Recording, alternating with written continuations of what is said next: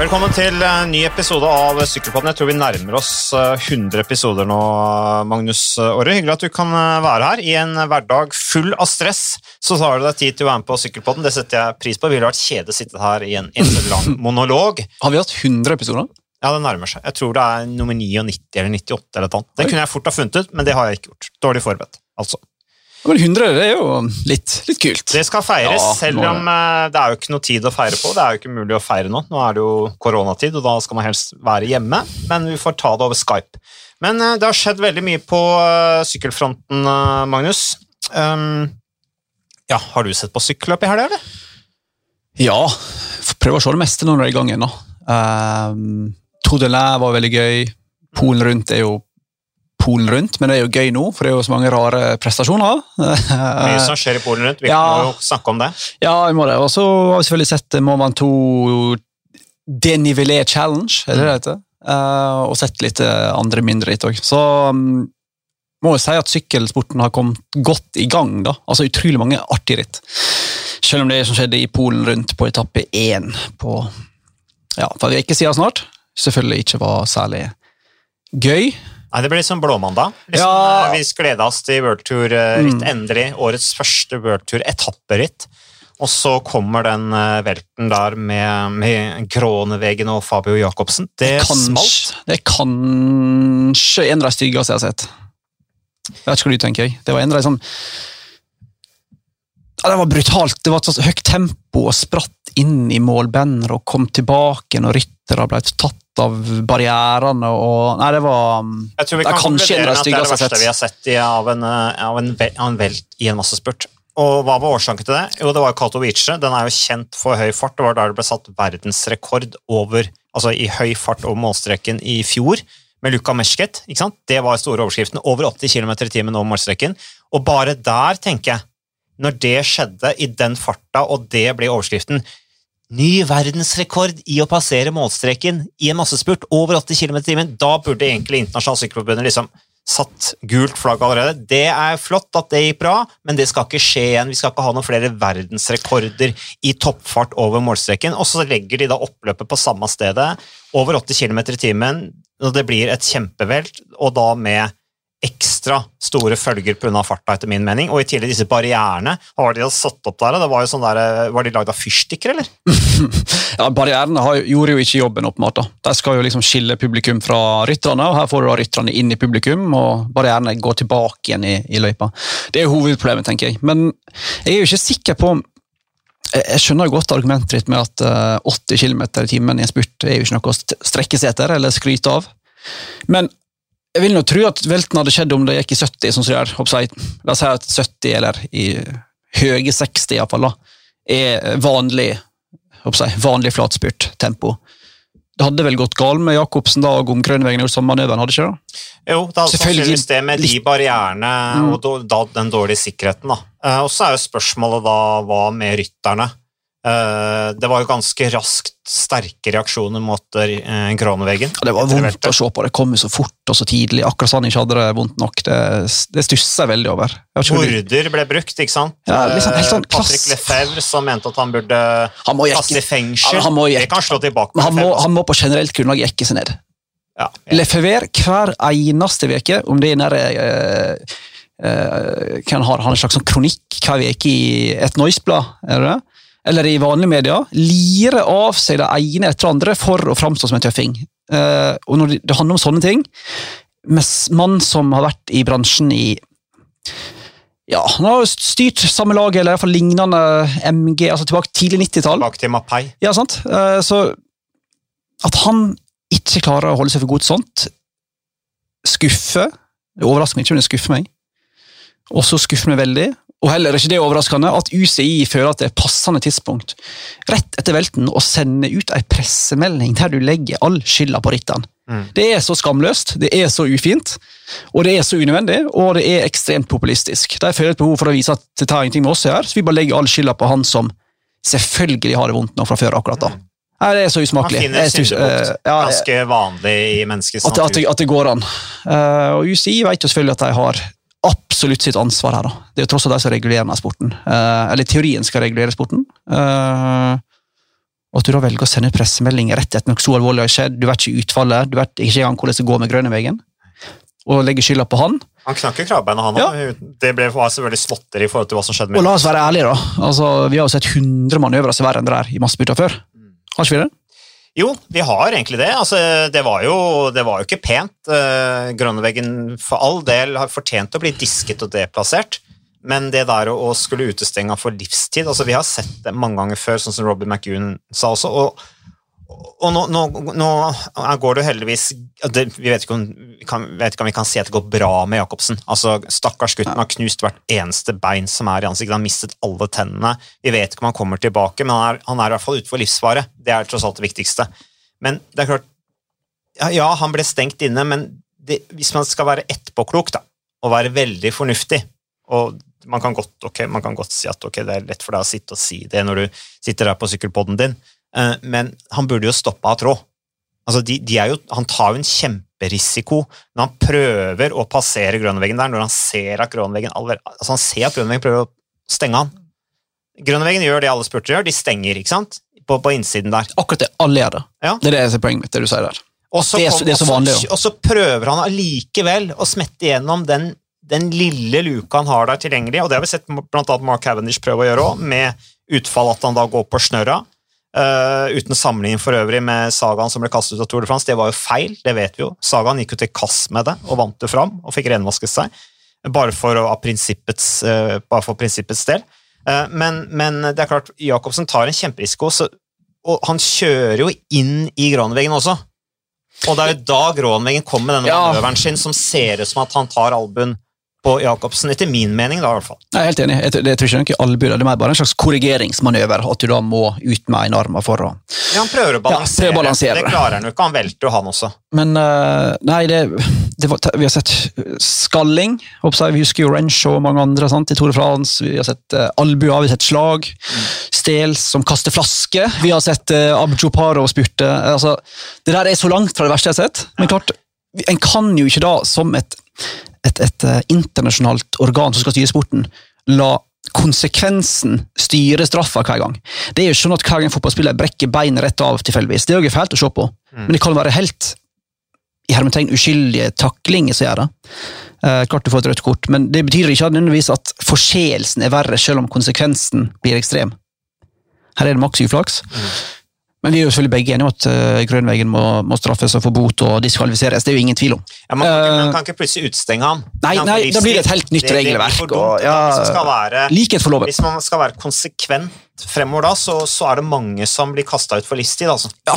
Så eh, det, det, tror jeg vi skal konkludere med. Ellers, uh, ja, Polen rundt ble jo vunnet av fenomenet Remco Evenpol. Vi må jo kunne kalle ham fenomenet. Det er ikke mer å si om det 20 år gammel. Han vinner alt, da. Ja. han har syklet fire etapper i år, vunnet uh, alle fire. Så um, all ære til han for det. Um, hvis vi ser på det, uh, statistikken hans altså Evenepool han, har, han har ni seire. Han er den som har vunnet flest sykkelløp i år. Fire av fire etapper, som jeg sier, kjører for, for seier da i Lombardiet rundt på lørdag. Det blir spennende. Han går for et monument. Han har ikke vunnet et monument enda i karrieren. Nei, det, er dårlig, det, er dårlig, ass. det er dårlig. Uh, I sitt andre år som proff. Uh, og han er jo også da blant favorittene i Italia rundt da, som starter 3. oktober. Han, han, blir jo da han blir jo utrolig nok en av favorittene til Italia rundt. Blir han ikke det, Magnus? Jo, når du, når du, går på fem mils solobrudd med Folsang, Yates, Maika, Carapaz eh, etc. bak deg, og du vinner med 1,48, var det det? Husker jeg Ja, over 1,50. Ja, noe sånt. Ja. Uh, Riktignok er jo selvfølgelig da jakta i gruppa bak blir jo sånn som det blir, at det blir én støte, og så støter en annen, og så blir det ikke så organisert. Og så begynner de å gjøre med andreplass. Men det er jo helt uhørt å gjøre det han gjorde der. Det skal jo ikke gå. Så han er jo i, Om han er i for tidlig form, det tyder jo alt på, men han følger jo ikke tydeligvis vanlige fysiske regler. Han er jo alltid i form, virker det som. Så han kan godt være i form i oktober i Giron for alt jeg vet. Altså. Ja, men han, man kan jo umulig ja. være i 90% form nå, altså. Han Nei. må jo være nær toppform. Og det, Vi har sett det før. altså I fjor i San Sebastian så vant han jo på like imponerende vis der. Så, um, så det er ikke første gang vi ser noe lignende av Remco Evenepool. Så det var ikke bare det at konkurrentene syklet dårlig bak. Nei, det var et helt absurd uh, syn, denne etappen. Uh, for å si det akkurat som det. Ellers uh, Milano San Remo. det prioriterte jeg høyt. Jeg så de siste 100 kilometerne. Du, ja, Vi snakka om det, at du syntes det var et kjedelig sykkelløp. Hva, hva syns du? Var det Det noen var jo- forskjell på årets, eller historiens lengste utgave av Milan San Remo? Altså det er Sist en etappe i Tour de France var over 300 km, det var i 1984, og de måtte vel søke om dispensasjon for å ha det over 300 km. Og det er altså første og eneste gang et monument, et sykkelmonument har vært over 300 km uh, siden 1913, ifølge da denne finske Twitter-personligheten Amati Pyro... Pyroaili. Han ikke hva han snakker om. Et spørsmål. Hva slags arrangører er det som føler at i år er tidspunktet å arrangere holdt på å si, tidenes lengste monument? Ja, men Tror du ikke det er litt eh, tilfeldig Magnus? At eh, det bare ble sånn? Fordi at de kunne jo ikke sykle hvor de ville pga. at disse ordførerne rundt omkring langs, eh, langs Liguria-kysten der ikke ville ha sykkelritt fordi de var redd for at det skulle hope seg opp med badeturister. Men du, sånn, du har jo et 10, var nøytral 10 km nøytralsone. Ja. Det er veldig viktig å få i tillegg. Altså, Ja, Den er jo veldig lang, den der nøytrale sonen. ja, altså, Jeg sykla det rittet sjøl, blir jo aldri ferdig. Jeg gikk jo tom før vi kom til kilometer null. Hater når det skjer. Men du, du, fikk, du så jo konsekvensen litt. En ting at Varmen var jo selvfølgelig ekstrem, så du så jo plutselig at uh, plutselig Agavir er helt ferdig. Uh, Caleb Ewan helt ferdig. Uh, Kristoff. Våre norske, som stort sett nesten samtlige så langt i år, bortsett fra Amund Grønn Jansen, har vært ferdig litt for tidlig, for å si det helt ærlig. Um, de har ikke noe formtopp i oktober, og alt sånt, så det, det er jo litt unnskyldt, men likevel. Litt skuffa over det, Magnus. Hvis Ja, jo. det litt, fordi at De har jo vært hjemme og kunne trene. Vi har jo snakka om det at de norske har på en måte hatt konkurransefortrinn fordi at de har kunnet sykle ute, mens alle disse stakkars konkurrentene har måttet sitte på rulla si. Men uh, vi kan ikke se at det bærer noen frukter så langt. Og Nei. Andre Alliansen var jo blant de som måtte sitte inn i? Andorra der Ja. sykle rulles og svetten silte. Ja, for Han var voldsomt imponerende, må jeg si, på Poggio. Timo Råsen dette av. Det er en hard mann. ass. Så sitter Grønner Jansen igjen som sistemann der og trekker feltet opp. Det var sterke greier. Nei, men det, Grønn det, Alliansen er en harding. ja, det er det. Skikkelig harding. Og det var så kaldt, måten han kjørte Mm. opp uh, han godeste Wout van Aert på. Han venta og venta, og venta, og jeg liksom tenkte du, nå er det for seint. Mm. Nå må du kjøre. Og så plutselig bang, så var det der.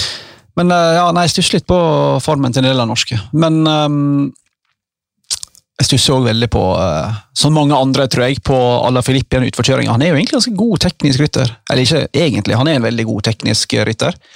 Men jeg, følte, jeg satt med hjertet i halsen i hver eneste sving på toppen av Poggio der. Jeg følte han bare Det var nesten sånn Michael Matthews, han like før han skrapa inn i, i steinen Han dårlig. Ja, voldsomt voldsomt jeg, jeg, dårlig. tror, vet du hva jeg, jeg tror er årsaken til det? Ja. Jeg tror han sprengte seg sjøl og Poggio. Han kjørte så hardt opp Poggio at melkesyra tøyt ut av øra på han. Og da var han på en måte, da, Du veit hvordan det er når du er helt utslitt. Da blir du ukoordinert og du blir dårlig teknisk. Jeg tror det var det som skjedde med, med Al- Alafil, men han er i hvert fall i form. Det viste han. Ja, så jeg kom med et annet alternativ forklaring på dårlig utforteknikk. Ja. Eh, møtte vår eh, TV 2s politiske kommentator Aslak Eriksrud i går. I lunsj, ja. ble sittende og snakke litt om diverse sykkelritt. og sånn. Eh, Jeg vet ikke om jeg er enig med han, men det var et interessant perspektiv. Alle Flipp sleit nedover. Van nei, Van Aert sykla kanonbra nedover. Alle Flipp hadde skivbremse. Van Ert hadde jeg håper det er rim brakes, hva det heter, felg, felgbremse. Ja. Gode gamle. Nå er jo han da en som mange andre har en forkjærlighet for det gamle, er ofte det beste. Mm. Eh, forkjærlighet for at eh, felgbremse er best. Vet ikke om det er noe i deg.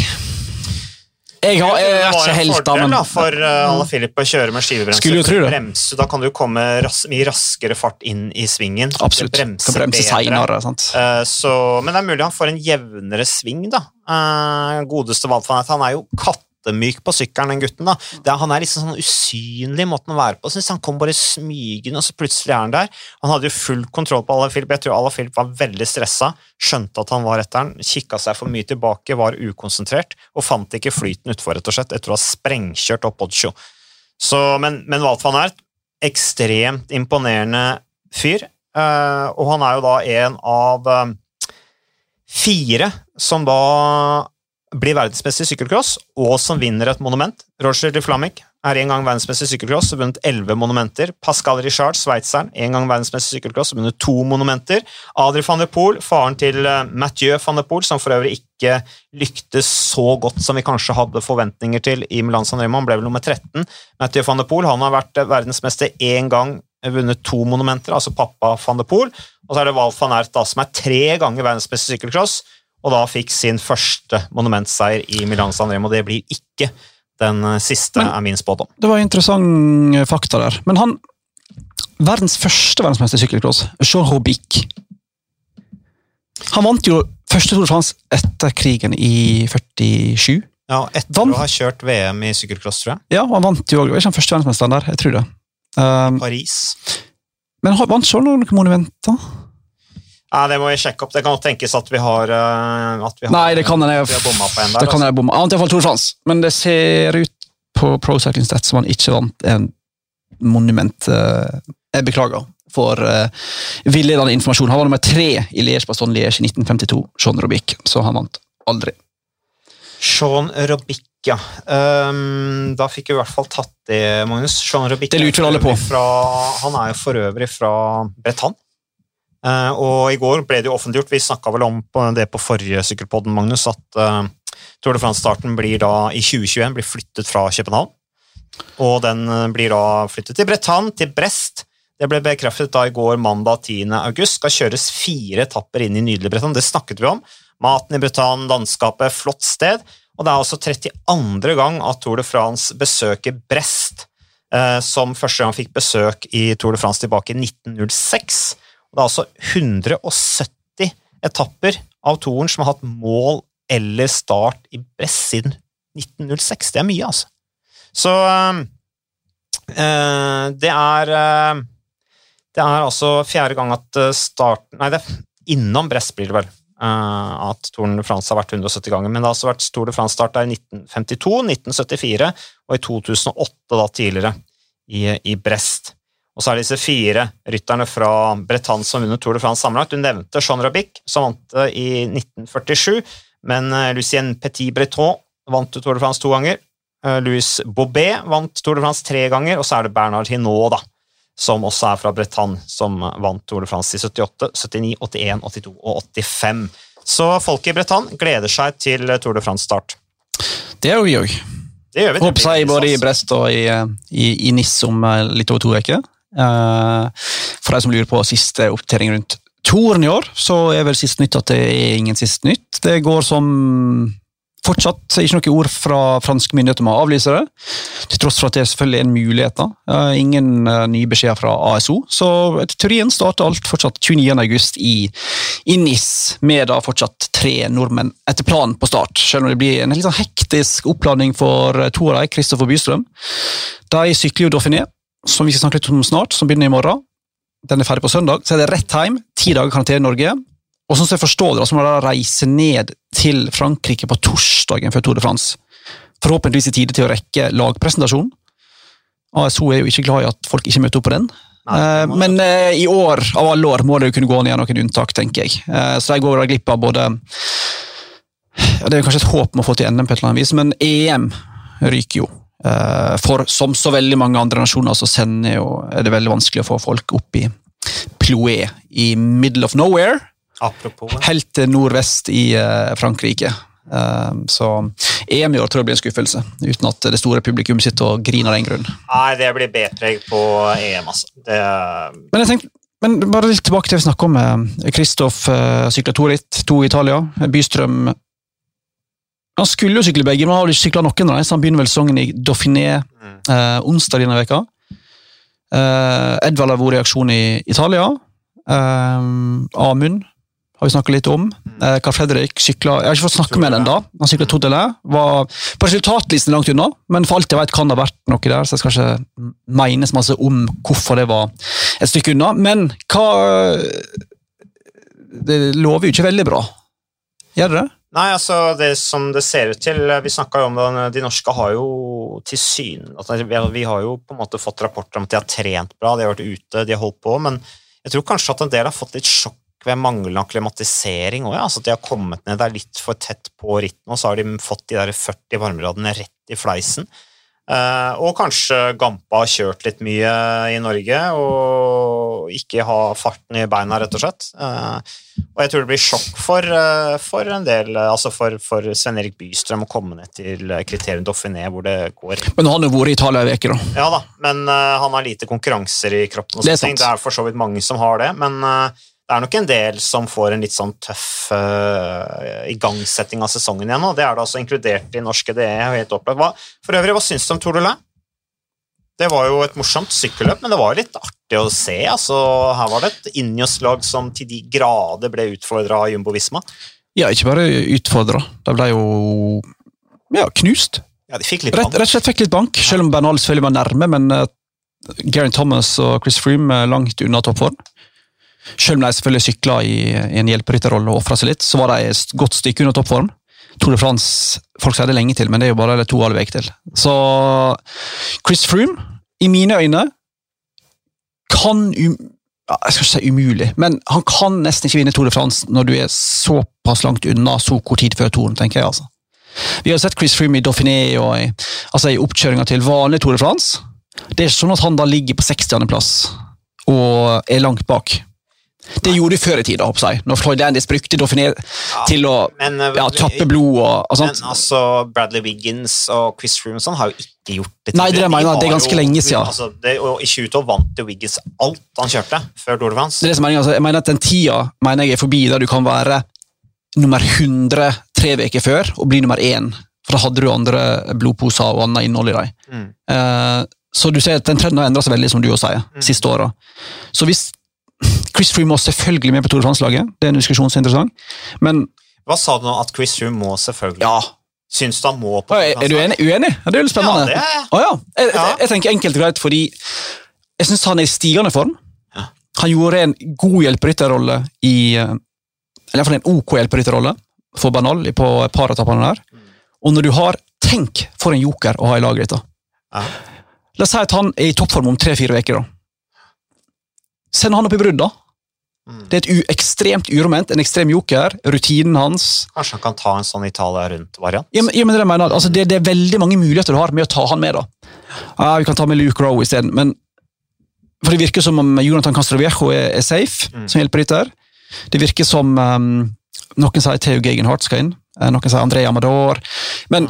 Chris Froome. Chris Froome må med på det laget. Det er jo ikke sånn at han er dårlig nå. Du så han satt noe med til 6-7 km igjen til toppen. Så Og jeg, jeg tror at Chris Froome er litt smart. altså. Ja. Jeg tror ikke han sprengkjører. Altså, Han har vunnet så mye. Han, eh, han, du kan han sitter hjemme. altså. Det er et bra wildcard å ha hvis ting, hvis ting forandrer seg. Hvis plutselig Jumbo Visma får en koronapositiv sak om å plutselig det jag lag, altså, skjønner du, Det kan skje 100 ting. Mm. Da må du ha med en som vår tidenes største Grand Tour i vår generasjon eh, rytter. altså. Ja, da også har han jo enorm erfaring. Han er blitt en ganske robust rytter, også til tross for det litt sånn skjøre utseendet. Så er han jo blitt robust. Han er en autoritet i feltet. Mm. Ja, mener jeg- han. Jeg tror han kan være en, jeg tror han kan være en bra road captain, faktisk. Ja, jeg, tror, jeg tenker det er no-brainer. altså. Hvis mm. Bernal krasjer i første uke, da. Mm. Ja, da har Garen Thomas. Jo, men han også... Og så har du Pavel Sivakov. Han tror jeg fort kan bli nest beste Han ble nummer to i Oxycotani. Han ser veldig bra ut. Gabriel Rask er veldig bullish til, eh, til eh, godeste russeren. Hva sa du? Bullish? Eh, Ja, altså det er jo det som Er bruker om aksjemarkedet. Slag- Altså, de snakker opp. Bullish? Ja du, ja, du har kanskje ikke hørt det før? Det er å snakke opp. Jeg bruker en setning, da. Altså, Altså, han er bullish på Pavel Sivakov. Ok, Så hvis jeg skal skryte av deg til uh, samboeren min, Ja, så er jeg, jeg er veldig bull, bull, bull om Mats. Ja. Ah, ja. Hæ, har ikke du hørt det før? Nei, Jeg, heng- jeg, vank, jeg vanker ikke i disse beste vestkant-aksjemiljøene som du uh, på Men Hovseter eh, tilbake til uttaket inni oss. Lekip meldte i går, og jeg vet ikke hva slags kilder de har. Jeg har prøvd å få tak i Gabras, men han er på samling med, med, med gutta sine. Uh, og relativt opptatt, tror jeg. Men uh, de mener at Bernal, Sivakov, Geraint Thomas, Casuecchio, van Barl, Kwiatkowski, Gegenhardt er allerede ut, tatt ut. Det er sju, sju ryttere. Og sisteplass deles ut etter Dauphiné til Froome, Amandor, Roe eller Dunbar. Men så så jeg noen italienske som mente at seks av det var riktig, men at Roe var inn for Gegenhardt. Mm. Men uansett, da. Men jeg mener uansett at um, jeg er helt enig, Kwiatkowski skal selvfølgelig med. Eh, men jeg tar nå heller med Chris Froome enn Theo Gegenhardt. Jeg er helt enig. Altså, Det vil jeg kom, kom an, da. Ja. Gegenhardt mangler litt erfaring. Han, er, han, er, han, han, må læres opp litt mer. Vi så han i Spania rundt i fjor, han mislyktes fullstendig der. Altså, Men- I forhold til hva som var forventningen til han. Helt enig. Men det er jo stort men. Det kan jo være at sjefene, Rask, Brailsford og co., ser De er jo i kulissene. De ser jo ting vi ikke ser. Det kan hende de ser at dette blir et for stort uromoment. Tar for masse fokus. Chris Froome virker utad som en veldig sånn fin fyr, relativt real, som jeg kan tenke meg vil gjøre det laget gir en beskjed om å gjøre. Men om det stemmer, det, det vet jo sjefene bedre. Så det kan hende de utelater han for å på bare fjerne det, hvis det blir mer et uroment enn en styrke. da. Ja, Det skal bli spennende å se, men eh, de har jo en god evne til å takle stridigheter internt i, eh, i Inios, det som nå er Inios. men en metode de jo har brukt for å takle stridighetene, er jo rett og slett bare å utelate ryttere fra laget, sånn som de gjorde i 2014 med Bradley Wiggins, da han ikke ble tatt ut. Men eh, Med Roglic altså, er er det vits å stille opp? Altså, han, vinner, han ser jo helt overlegen ut. Jeg skal akkurat til å si det, Magnus, at uh, hvem er liksom den store favoritten til Tour de France? Det er Primoz Roglic, skihopperen. Vi blir aldri ferdig med han. Han har hoppa i Er han Vikersund. skihopper? altså. Er han skihopper? Ja, han er Ah, ja. egentlig skihopper. Han bare Han driver med han bruker Ah, ja. sykling som trening til Ah, ja, comeback som skihopper. Ja, sånn. Mm. Så han går fra skihopper til som samlerrytter? Ja. ja, det er spesielt. Så uh, Det sier noe om hvor dårlig nivå det er på sykkel. At du bare kan være skihopper, så bare plutselig blir du verdens beste syklist. Det er veldig hyggelig å se at, eh, uh, som vi alltid, vi alltid å legge til, adjektivet sympatiske foran Tom Dumoulin. At sympatiske Tom Dumoulin er tilbake i godt slag. Ja, Er han sympatisk? Jeg kjenner han ikke. Ja, jeg alle i hvert fall medier liksom, rundt om omtaler alt som det. Ja, den sympatiske Tom Dumoulin. Ja. Jeg synes han er veldig fin. Han virka til å sykle sin første ritt på over 400 dager, og var ikke i toppform, men virka til å sykle ganske jevnt stabilt og være på en sånn 85-90% Han kan bli bra om tre ukers tid. Mm. George Bennett i kanonform for Jumbo Visma. Kreuzveig veldig god på noen tapper, litt mer variabel. litt. Og så har du selvfølgelig Tony Martin, Sepp Kuss, Wout van Ert. Altså, det er et lag av denne verden. Ja, ass, Så de stiller jo. Van Ert, ikke minst, Ja. som jo har fått beskjed du skal være med i Tour de France, men du skal kun kjøre hjelperytter. Og det var for meg selvfølgelig. Gleder meg. De går jo inn mindre noe spesielt skulle skje i Dauphiné nå, som i Ineos-rollen, som det store laget. Som Ineos faktisk skal bli en utfordrer, mener jeg. da. Jumbo går inn som storfavoritt, Ineos som utfordrer. Er du enig? Mm, jeg Så på spissen? Eller, Ja. jeg, Bernal, ja. er utfordrerne, men det er på en måte Jeg føler jeg snudde litt nå, da. Ja, Ja, men jeg, i, er i, alle, men altså i alle fall 50-50. ja, de, de, de, Akkurat nå så ser de sterkere ut enn Ineos. Det Mm. syns jeg. Så um, godeste Primoz Roglic, altså som uh, jo har en helt utrolig resultatrekke på de siste etapperittene han har kjørt. altså han, På de elleve siste etapperittene han har vært med i, så har han altså åtte førsteplasser, to tredjeplasser og en fjerdeplass. Så um, det skal bli spennende å se på Spania rundt vinneren fra i fjor, om han også uh, går til topps i, uh, i Tour de France. Han har i hvert fall gode forutsetninger for å lykkes, inkludert laget.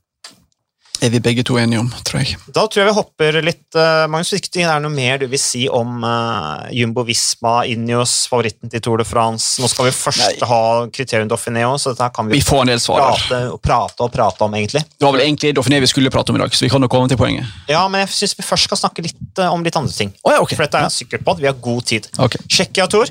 Vi må jo snakke litt norske resultater også. Det ble jo vunnet av uh, australske Damon Housen i uh, Mitchelton Scott fra, fra Australia også, som uh, foran lagkameraten sin Jack Bauer dobbelt uh, Mitchelton Scott. Men gledelig, Markus Hoelgaard inn til en uh, tredje, tredjeplass, flott tredjeplass i sammendraget, 29 sekunder bak. Og det var en bra startoppstilling i Tsjekkia Tour, med annet uh, nevnte Mitchell Scott, Jumbo Visma var der, Sunweb, NTT, Barain McLaren, Bore Hansgrohe.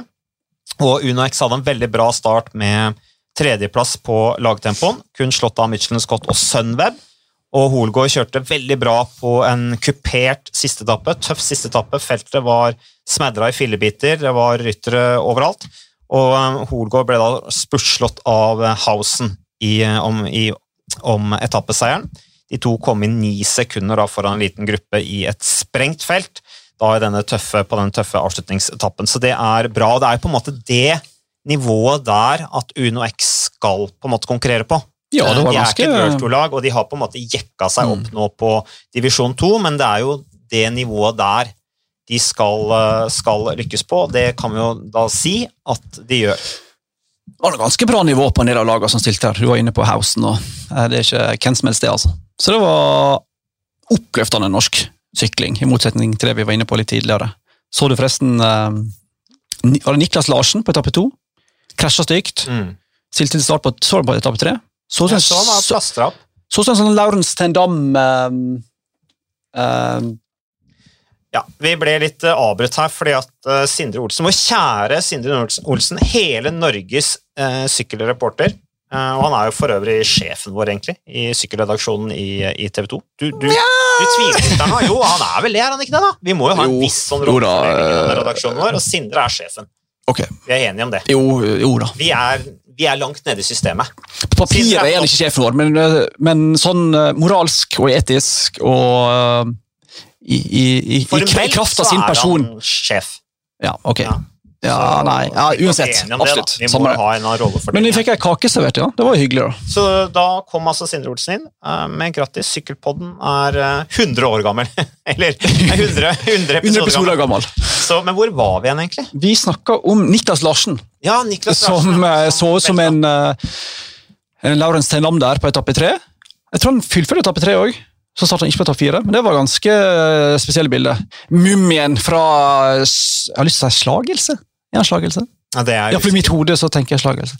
Mumien fra slagelse. Niklas Larsen, talentfulle dansken som eh, brakk beinet på dansegulvet. Gjorde han det det i preseason? avslutningsfesten Ja. til uh, dette laget, hva heter det? Colo Quick, Ja, Colo? Quick, ja. Ja. Som jo uh, også har en link til UnoX. De er jo sponsa av UnoX, Ja.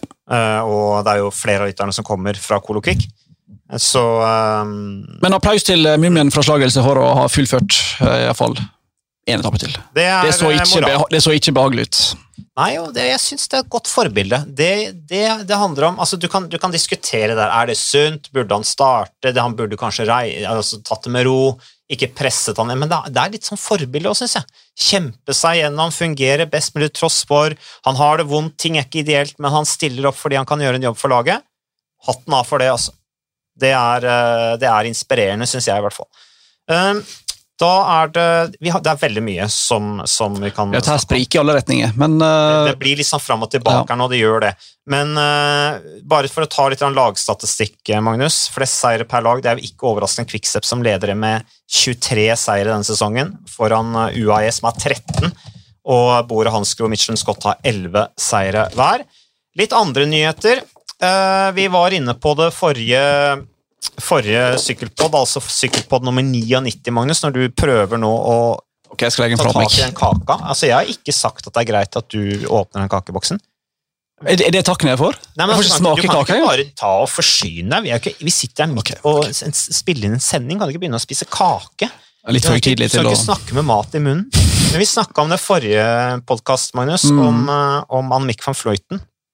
Eh, og eh, godeste Marianne Foss. Men dukker Anmik van Fløyten opp på lagstatistikken? Får er vel egentlig et eget lag, nesten? ikke det? Jo, Hun kunne egentlig vært en sånn egen flyttes fra individuell til lagstatistikk. Og Det er nettopp derfor Movistar har lyst til å signere henne. Ja.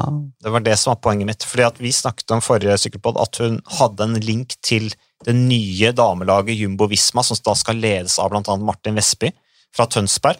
Tidligere sy- landslagssyklist Martin Vestby, som nå er sjef i Michelin Scott. Men eh, nå kommer rapporter om at Annemiek van Fløyten, verdensmesteren som vant suverent i solo Hvor mange mil har han kjørt i solo? Åtte mil eller noe i Yorkshire? Det var over 100. Ja, ja, Eller stemmer 10, ja. Ja, hun, har, hun har jo det på ramma si, eh, som en sånn del av designet på ramma. Hun eh, har altså signert, eller sies å ha signert en toårsavtale med Movistar, eh, og blir jo da lagvenninne med norske Katrine Aalerud. Så det er spennende. Da skal eh, Katrine Aalerud få kjørt litt eh, hjelperytter, men det kan være utviklende for eh, Aalerud, tror jeg, så det skal bli spennende å se. Ellers eh, Drops, eh, damelaget Drops de satser på å bli World Tour fra 2021. Der har vi jo også to norske. Det er Emilie Moberg og Elise Marie Olsen. Og prøver da å eh, finne midler sånn at de kan eh, få en eh, treårig status som World Tour-lag. Det er positivt, sett med norske øyne. Eh, Bardet er bekreftet til Sunweb. Det har vi jo snakket lenge om, eh, Magnus, Eh, så da vet vi det. Det som overrasker meg litt med Bardet, det er at han eh, sier til Frans fransk nyhetssted at han ville til et lag som er medlem av MPCC. Fikk du med det? Han er jo på et lag, han er jo på et lag som er medlem av MPCC, så jeg skjønte ikke helt hvorfor han følte for å prøve altså. Nei, men det vil han fremdeles ja, være. Ja. ja, det er jo veldig fint han sier det, for så vidt. Jeg, jeg tenkte først, er det et stikk til AG2R? Men jeg tenkte AG2R er jo MPCC-lag. Ja. Så, Men det var bra. Men jeg stusser mer på liksom den der Her kvitter AG2R seg med um, Romain Bardet, Pierre Latour, Alexandre Genies. Tre klatrere. Inn kommer Marc Sarraud, spurter. Damien Toussé, spurter. Michael Skjær, hjelper litt av klassikere. Greg van Avmat, klassikere. Du bytter jo ut måte, hele klatrekjernen med en slags Unnskyld, altså, men litt, litt sånn B-prega spurtklassikergreier. Riktignok, du, duoen Oliver Nasen van Amat er en fantastisk duo. Ikke, ikke misforstå meg, da. Men um, det finnes jo yngre folk å kunne bygge et lag rundt, f.eks. Uh, og på spurtsida fins det jo raskere folk enn Tossé og Sarro. Ja. Selv om Sarro er, er, er sterk. Begge ble jo skada i Polen-velten. Men, um, Ja. men det virker bare rart å bytte ut Du får ny sponsor, Citroën, mange millioner inn. Mye større budsjett, så kvitter du med tre meget sterke ryttere som har gitt laget særtrekk, karakter, resultathistorier, og inn med helt andre ryttere. Det er et eller annet som skurrer litt der. Jeg, jeg, jeg skjønner godt det, at Arjusar vil, øh, vil øh, takke for altså, Jeg skjønner godt at Bardet vil takke for seg Arjusar etter så mange år i det laget. Det er på tide å gjøre noe nytt, tenker jeg.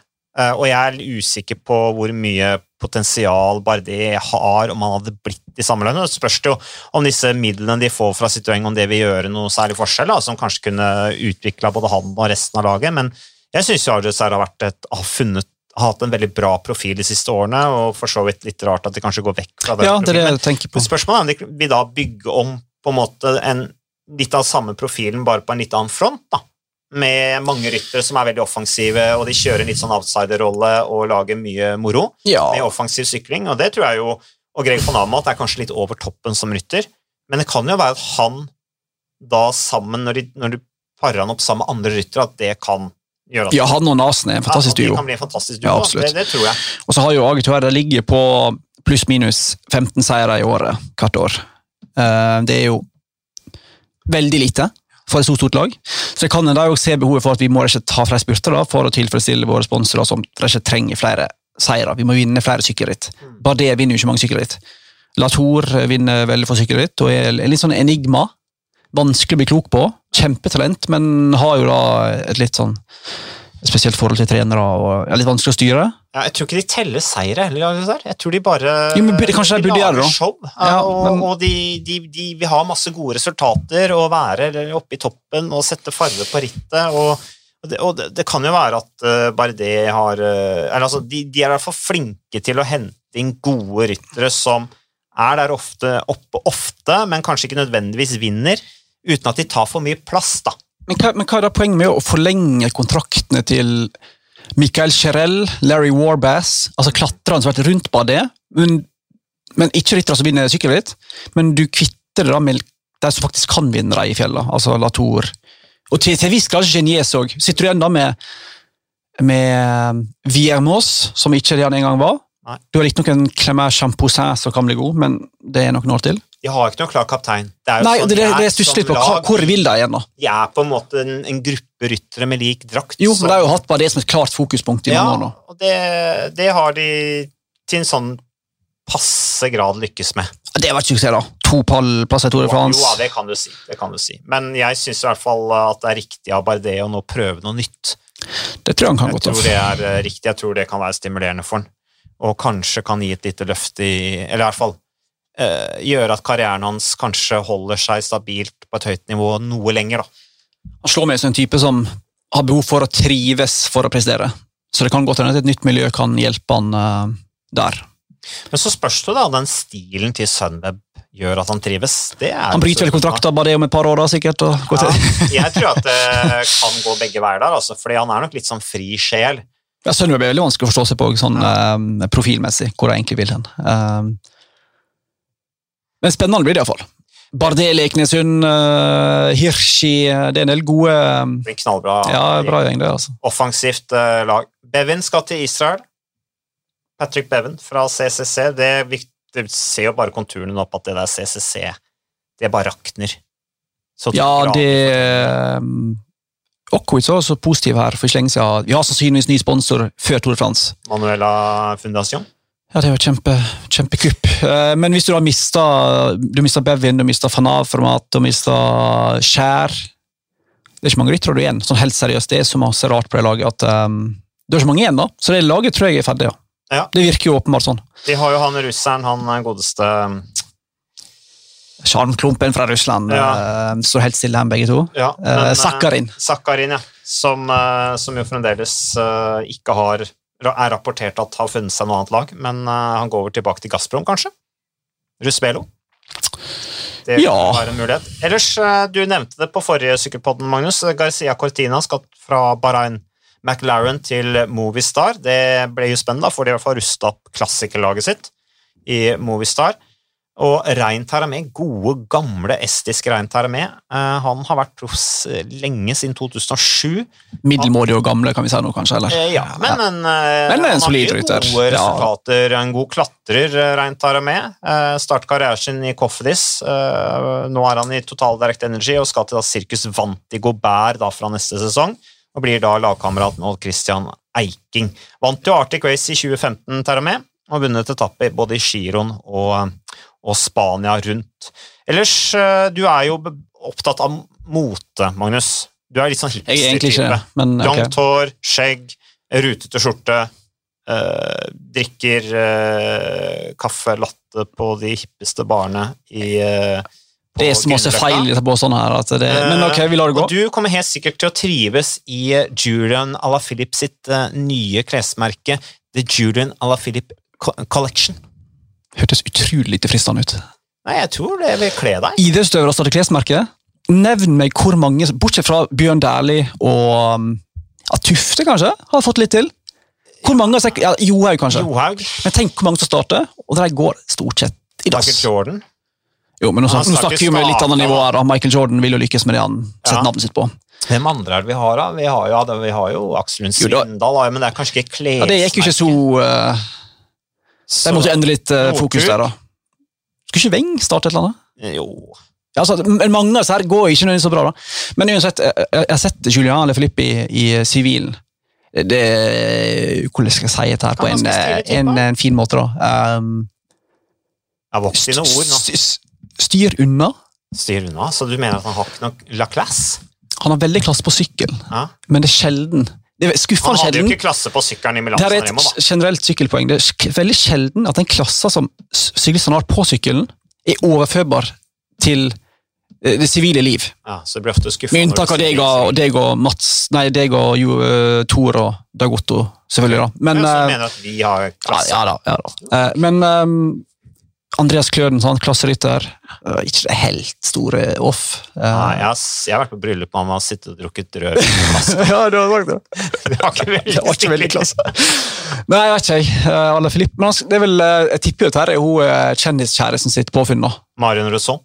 De hadde photoshoot i går, tror jeg, eller for noen dager siden. Jeg har i hvert fall sittet og sett bilder fra det på Instagram. Og eh, Det merker jeg at jeg ikke har tid til å gjøre. de Altså. så veldig lykkelige ut når de tok photoshoot. Kult, da. Ja, så mm. de har funnet hverandre, de to der. altså. Hotteste paret i sykkelsporten, Neida, definitivt. eh, men det kan godt hende det er kule klær. Bare sånn, eh, det var litt flåsete sagt at han eh, Men um, idrettsutøvere som skal komme i moteklær, er jeg alltid litt sånn eh, skeptisk til. Ja. Det er kun han her eh, Hector Beirin som egentlig får det til. altså. Bradley Wiggins har jo stil. Ja, har du sett han i siste, eller? Han Ja. går jo rundt som en, ser som en hooligan. Han ser mer, ut som en hooligan. Går i sånn retro-fotballskjorte. Uh, endrer helt fysikk. Svært skjegg. Uh, skitne sneakers. Skilsa, Veldig korte shorts. som Han skilte seg, ja. Ja. ja, det, ja. Og så meldes Ikke at han, er- men- det, er, det er et eller annet med økonomien hans også som meldes å ikke være helt i orden. Ser iallfall ut som en hooligan, men det kanskje også, jeg mistenker at det òg er målet hans. Uh, litt sånn uh, rufsete stil der. Han er jo Uh, kunstner, da. Bradley Wiggins. På mange måter, syns jeg. i hvert fall. er, du, sånn er du en kunstner bare du slutter å dusje og ser litt shabby ut? Nei, men han slutter jo ikke å dusje. Nei, men du er skjønner hvor jeg vil, da. stilen, Han vil jo se litt eh, herja ut. Ja, det vil han. Ja. Eh, Så han er jo brite, tross alt. Telefini, Han vil representere arbeiderklassen. Taylor burde kanskje starte et klesmerke. Ja, men Han har litt mer sånn stil og litt sånn gjennomført greie. ja.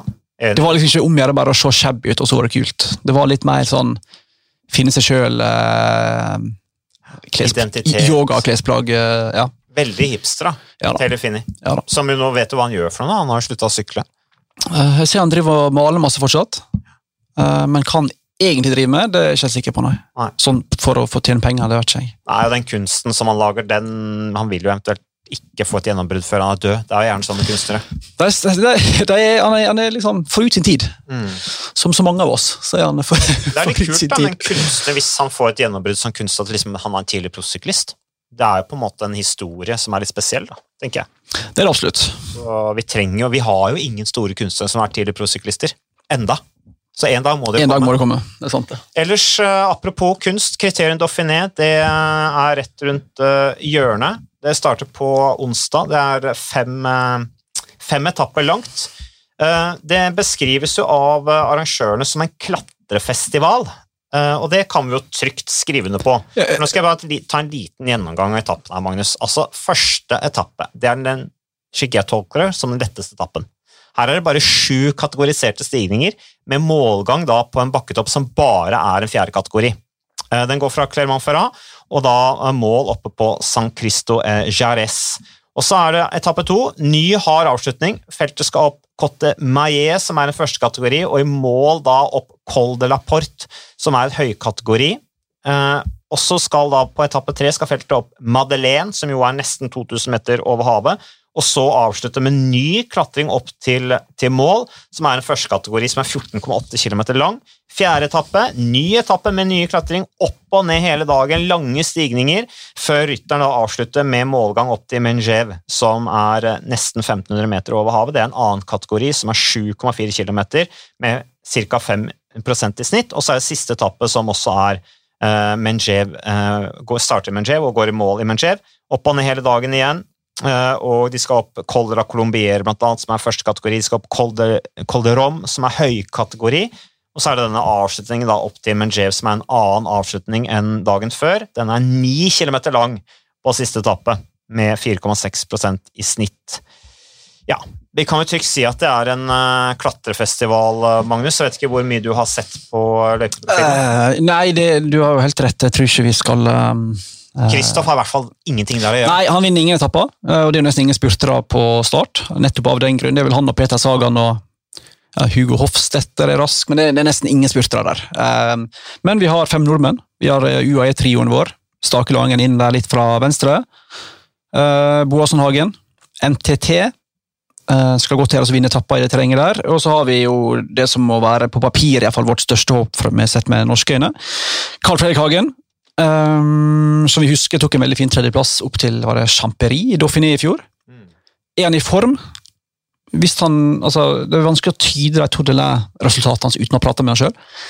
Men det kan hende han gjorde en altså, brukte det som trening, du vet jo aldri helt, eller om det var tilpasning til varmen som gjorde at det tok litt uh... Jeg har trua på Carl Fredrik. Ja da, så- I, i Så det er han vi må stole på, skal vi få resultat. Det tror jeg er helt eh, åpenbart. Eh, Knallsterkt felt ellers, naturligvis, med jeg håper eh, Bardet, Miguel Ángel Lopez, Mikel Landa, eh, Buchmann, du har eh, Guillaume Martin, Julien Alaphilippe, du har Bob Jungels, Rigoberto Uran, eh, Igita, Martinez, Dan Martin, du har Greipel, du har Adam Yates, du har Froome, Bernal, Thomas Sivakov, Kwiatkowski, du har Kreuziger, du har Valgren, du har Meintjes, du har Mas, Valverde, Soler, Dumoulin, Hesink, Kreuzvik, Martin, Roglic, van Ert, du har Benot, du har Hirschi, Krag Andersen, Richie Portia, Pogacar. Pogacar har du, Formål òg. Du har Pierre Rollin. Jeg kan ikke nevne han i samme slenge lenger. Varen Bargille er der, Nairo Quintana er der. Nå er jeg faktisk sliten, men det er et eh, helsikes sterkt felt, så det kan bli utrolig gøy. Fjell hver dag. Henrik Mas. Henrik han- jeg tror jeg nevnte han. Nevnte Ja, han, ja? Trioen i Moisar, uansett. Ja, du gjorde det. Det er jo etapper for disse gutta her. Hver eneste dag i fem dager. Sesongen kan ende når som helst, så de kjører full guffe, for du må egentlig bare prøve å vinne litt, av du, du ser på kalenderen. Ja, Kan for bli- du kan jo stoppe når som Ja, helst, vet du. det er det som er, jeg tror det kan bli et utrolig kult sykkelritt. Så det blir eh, veldig gøy. Mitt favorittsykkelritt da jeg var liten, husker jeg. Dauphiné. Det var ditt favoritt. Ja, det var det, Så for jeg har alltid syntes at du har vært litt sær, Marius, men at liksom Kalte du det Marius? Nei, Det er ikke Skjelbæk som- jeg. Har alltid syntes du har vært litt sær, Magnus, men at kriterium Dauphiné Jo, var var, ditt favorittsykkeløp som liten Jo, men det var eneste, det eneste plassen Euskaltel hevda seg. vet du. Ja, det er sant. Inn i Andaluse, riktignok tatt doping etterpå, vant jo et år.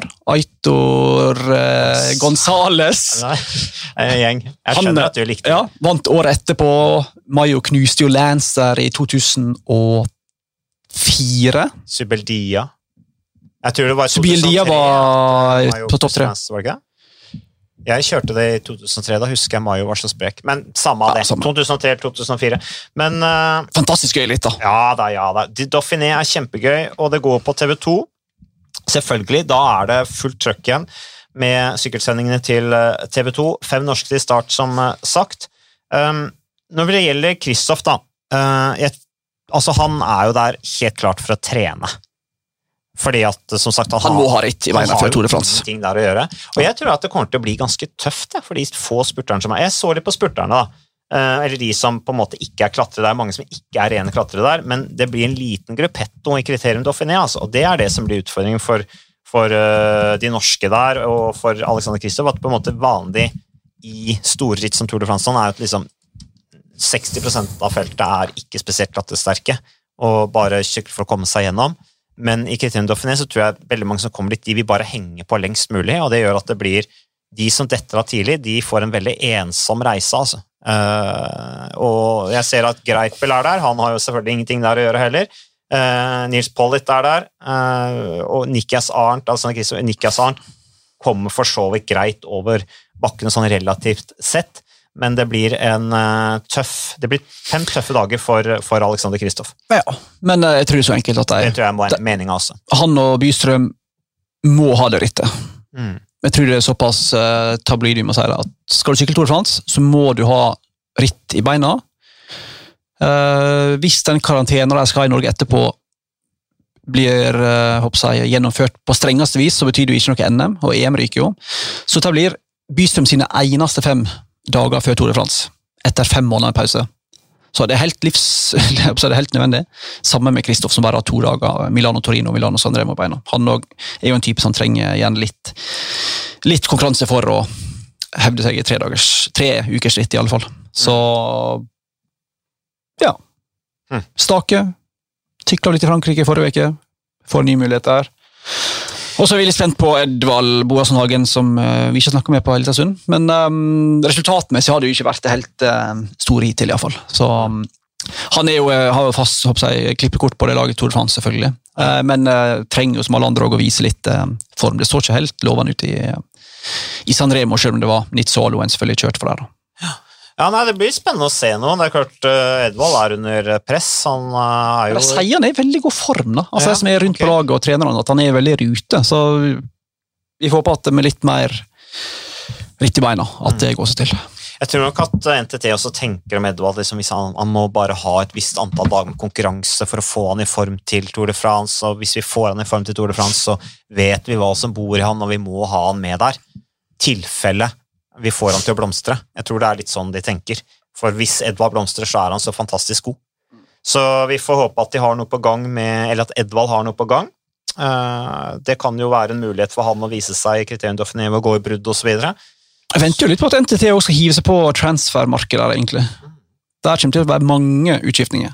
Så tid de skal begynne å offentliggjøre litt hvem som går, og hvem som blir, og hvem som kommer inn, det um, Jeg vet ikke helt hvorfor det drøyer sånn. Hva tror du Bjarne Riis tenker om at uh, Tour de France-starten er utsatt ett år med tanke på København? Bra eller dårlig? Jeg Tror vi begge tenker at det er bra for han. Mm. Gi litt mer tid til å få det laget litt mer dansk. Få den der uh, Velux, det det det spekuleres i at laget skal hete? En dansk sponsor. Tenker det er bare fint, jeg. Det laget der eh, det er ikke så, så galt som i fjor. Men det er fortsatt en del som skal, det er en jobb som skal gjøres, da, ikke minst på overgangsmarkedet, for å få forma det laget til så kraftfullt som Riis har lyst til å ha det, tror jeg, til Tour de France. Ja, det har vært trist. da. Det er forma Edvard Baasen Hagen til en uh, vinnerkandidat til førsteetappen i København, ja. på tempo. Er det så enkelt å bare forme Riis-effekten. Riis-effekten? Ja. Er det, er det en kan jo være så kraftig. Det er jo den alle snakker om. Ja, det er sant. Så vi får jo se. vi får se. Men eh, Magnus, jeg tror ikke det er noe mer jeg har eh, som jeg vil snakke med deg om egentlig i dag. Nei, vi er vel ofte vi er ferdig prata, ikke sant? Jo, det tror jeg vi er. Um, så uh, Det kommer, for de som lurer på, så kommer det altså en slags ja, Visstnok en endelig beslutning på VM i Sveits onsdag. Da skulle det være noe møte både med arrangør og med lokale myndigheter. Så da får vi avklaring på det. Det ser jo litt ja, jeg skal ikke si det ser mørkt ut, men um, Sveits er rødt, som alle vet. Og det er vanskelig med land, folk fra alle mulige land. Så det er spennende å se hva som skjer med sykkel-VM. Det kan jo endre litt planene til ryttere med tanke på Tour de France òg. Så um, i og med at folk har tenkt å stå av Tour de France tidlig for å prioritere VM. Og, um, så det kan bli spennende å se. Forhåpentligvis nyheter der altså på onsdag, samme dag som Dauphiné tråkkes i gang. Og så er det jo masse sykkelløp uh, fremover, som sagt. Uh, oppkjøring mot uh, Tour de France, det gleder vi oss til. Men følg med på TV 2 og få med dere kriterium Dauphiné. Det gleder vi oss alle til. Det blir knallhardt. Det blir klatrefestival med fem nordmenn til start. Takk for at du hørte på denne uendelig lange, lange. podkasten. Ha det bra!